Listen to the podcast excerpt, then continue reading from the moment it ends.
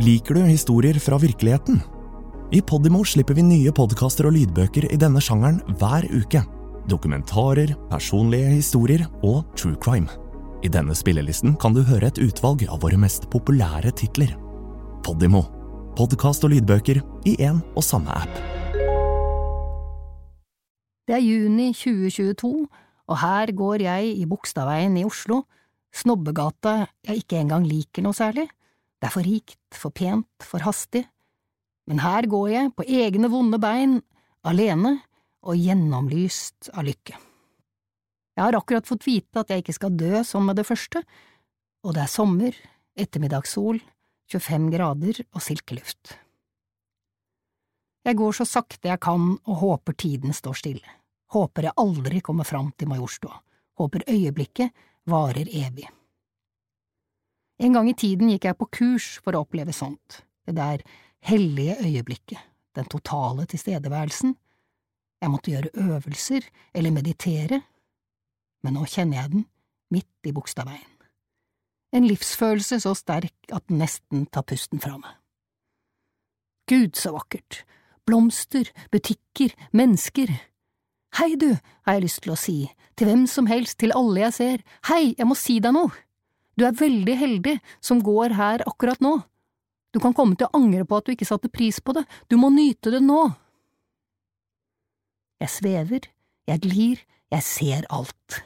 Jeg ville vært verdens beste vitne hvis politiet skulle trenge et fra Bogstadveien 26. juni 2022. Søt liten gutt med briller her, nydelig kjole der, å, en ny kafé, nei så fine blomsteroppsatser, fuglekvitter, hei, Hei, hører du fuglene? Tenk så heldig du er som har en liten spurv på bordet ditt. Jeg glir inn i en klesbutikk, og gud, så fantastisk. Det er farger overalt, rosa, grønt, oransje, gult, tenk at jeg skulle oppleve det, en vanlig klesbutikk der ikke alt er beige eller hvitt. Jeg håper dere er klar over det, tenker jeg, at dette er et veldig spesielt øyeblikk i livet deres, det er klær med farger. Det er ikke sikkert det varer, det er kanskje bare nå. Hei, hei, du som står i kø og ser sur ut, du er skikkelig heldig som står i kø her og venter, og ikke ligger i en sykehusseng og har trukket i alarmsnora og ingen kommer. Det er ikke masse skjønne farger å kikke på mens du venter der. Hei, det kan skje deg også, i morgen, i kveld kan det skje, se hvor du er og nyt det.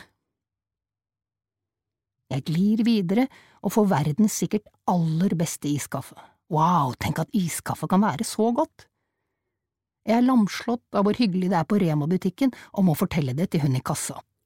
Det er veldig god stemning i butikken deres, sier jeg, jeg er så lykkelig, og du er veldig vakker. Det kjennes som om jeg er på spa. Det prikker i huden, det sitrer som når jeg ligger på en yogamatte og gjør avslapningsøvelser. Kjenn leggene, lårene, da prikker de dem. Nå sitrer og prikker det sånn av seg selv, i hele meg, helt opp i hodebunnen, av ingenting. Det er bare liv, blodet i årene, livet i cellene, liv overalt. Og jeg må ikke gjøre noe som helst for å kjenne det, det bare er her. Jeg skjønte aldri hva de mente, de jeg leste om som hadde gått gjennom grusomme sykdommer eller faenskap, og så sa de ikke ville vært det foruten. Hvordan kunne de si noe sånt om det som var vondt? De sier det for dette lynnedslaget av livsglede midt i Bogstadveien. Det kommer ikke av seg selv, det kommer når du nesten har mistet alt sammen, livet, gleden, fargene, iskaffen og spurvene. Likte du denne episoden? Så del den, da vel! Fortell en venn hva du hører på, og gi følelsen av god lytting i gave til noen du bryr deg om.